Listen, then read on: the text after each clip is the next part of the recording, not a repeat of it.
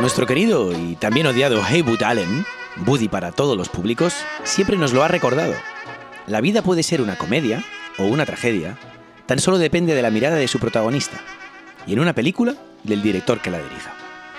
Y así, Allen compone en sus guiones lo que verbalizan sus personajes, pero asimismo demuestra lo que escribe, y entre tanta carcajada nos enseña algunas veces que hay otra manera de afrontar la vida, y la creación cinematográfica, claro está.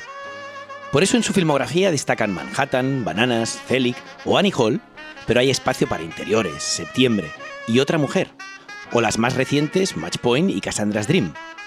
Hay tragedia y hay comedia, y casi siempre las dos a la vez. Comedia dramática que le llaman, o comedia y tragedia alternadas, como en la genial y no tan conocida Melinda y Melinda, que se llama dos veces porque dos veces se cuenta la misma historia, la de Melinda, la trágica y la cómica la que ustedes pretendan ver. Porque la vida, queridos amigos, es principalmente eso, una tragedia y una comedia, un drama, ante el cual podemos llorar o reír, o las dos cosas a la vez, como mi querida mujer.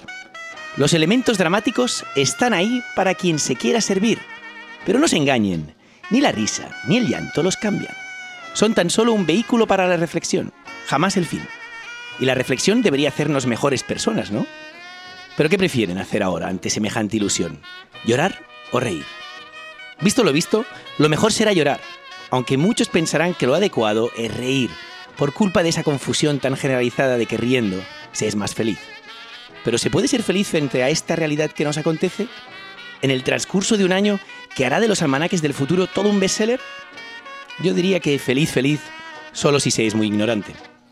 Pero si lo que quieren es reír, rían, y confíen en mis compañeros que hoy vienen a hablar de comedia.